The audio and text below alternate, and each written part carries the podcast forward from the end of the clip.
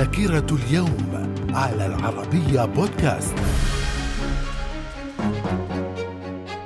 أهلا بكم ومن ذاكرة الحادي والعشرين من أغسطس في العام 1915 إيطاليا تعلن الحرب على الدولة العثمانية في الحرب العالمية الأولى. وفي العام 1919 بلجيكا تعلن أنها دولة منتدبة على بوروندي. في العام 1944 عقد اجتماع بين ممثلي المملكة المتحدة والولايات المتحدة والاتحاد السوفيتي لوضع مسودة لميثاق الأمم المتحدة. في العام 1969 إحراق المسجد الأقصى الشريف على يد مايكل دينيس روهان. في العام 1998 الولايات المتحدة تقصف مصنعا للأدوية في السودان بحجة أنه مصنع أسلحة كيميائية.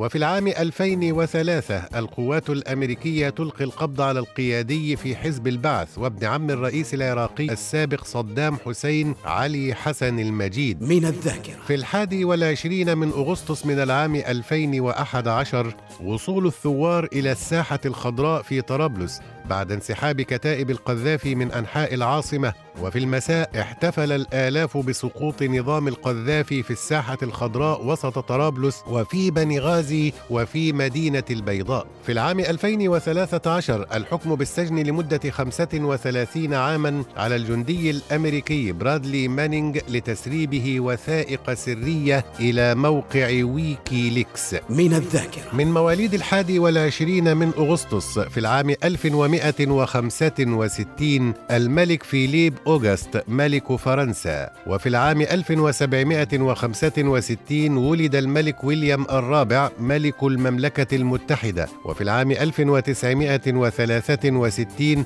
ولد الملك محمد السادس ملك المغرب. من الذاكرة. في الحادي والعشرين من أغسطس من العام 1157 توفي الملك ألفونسو السابع ملك إسبانيا. وفي العام 2010 توفي السياسي الجزائري الأخضر بن طوبال.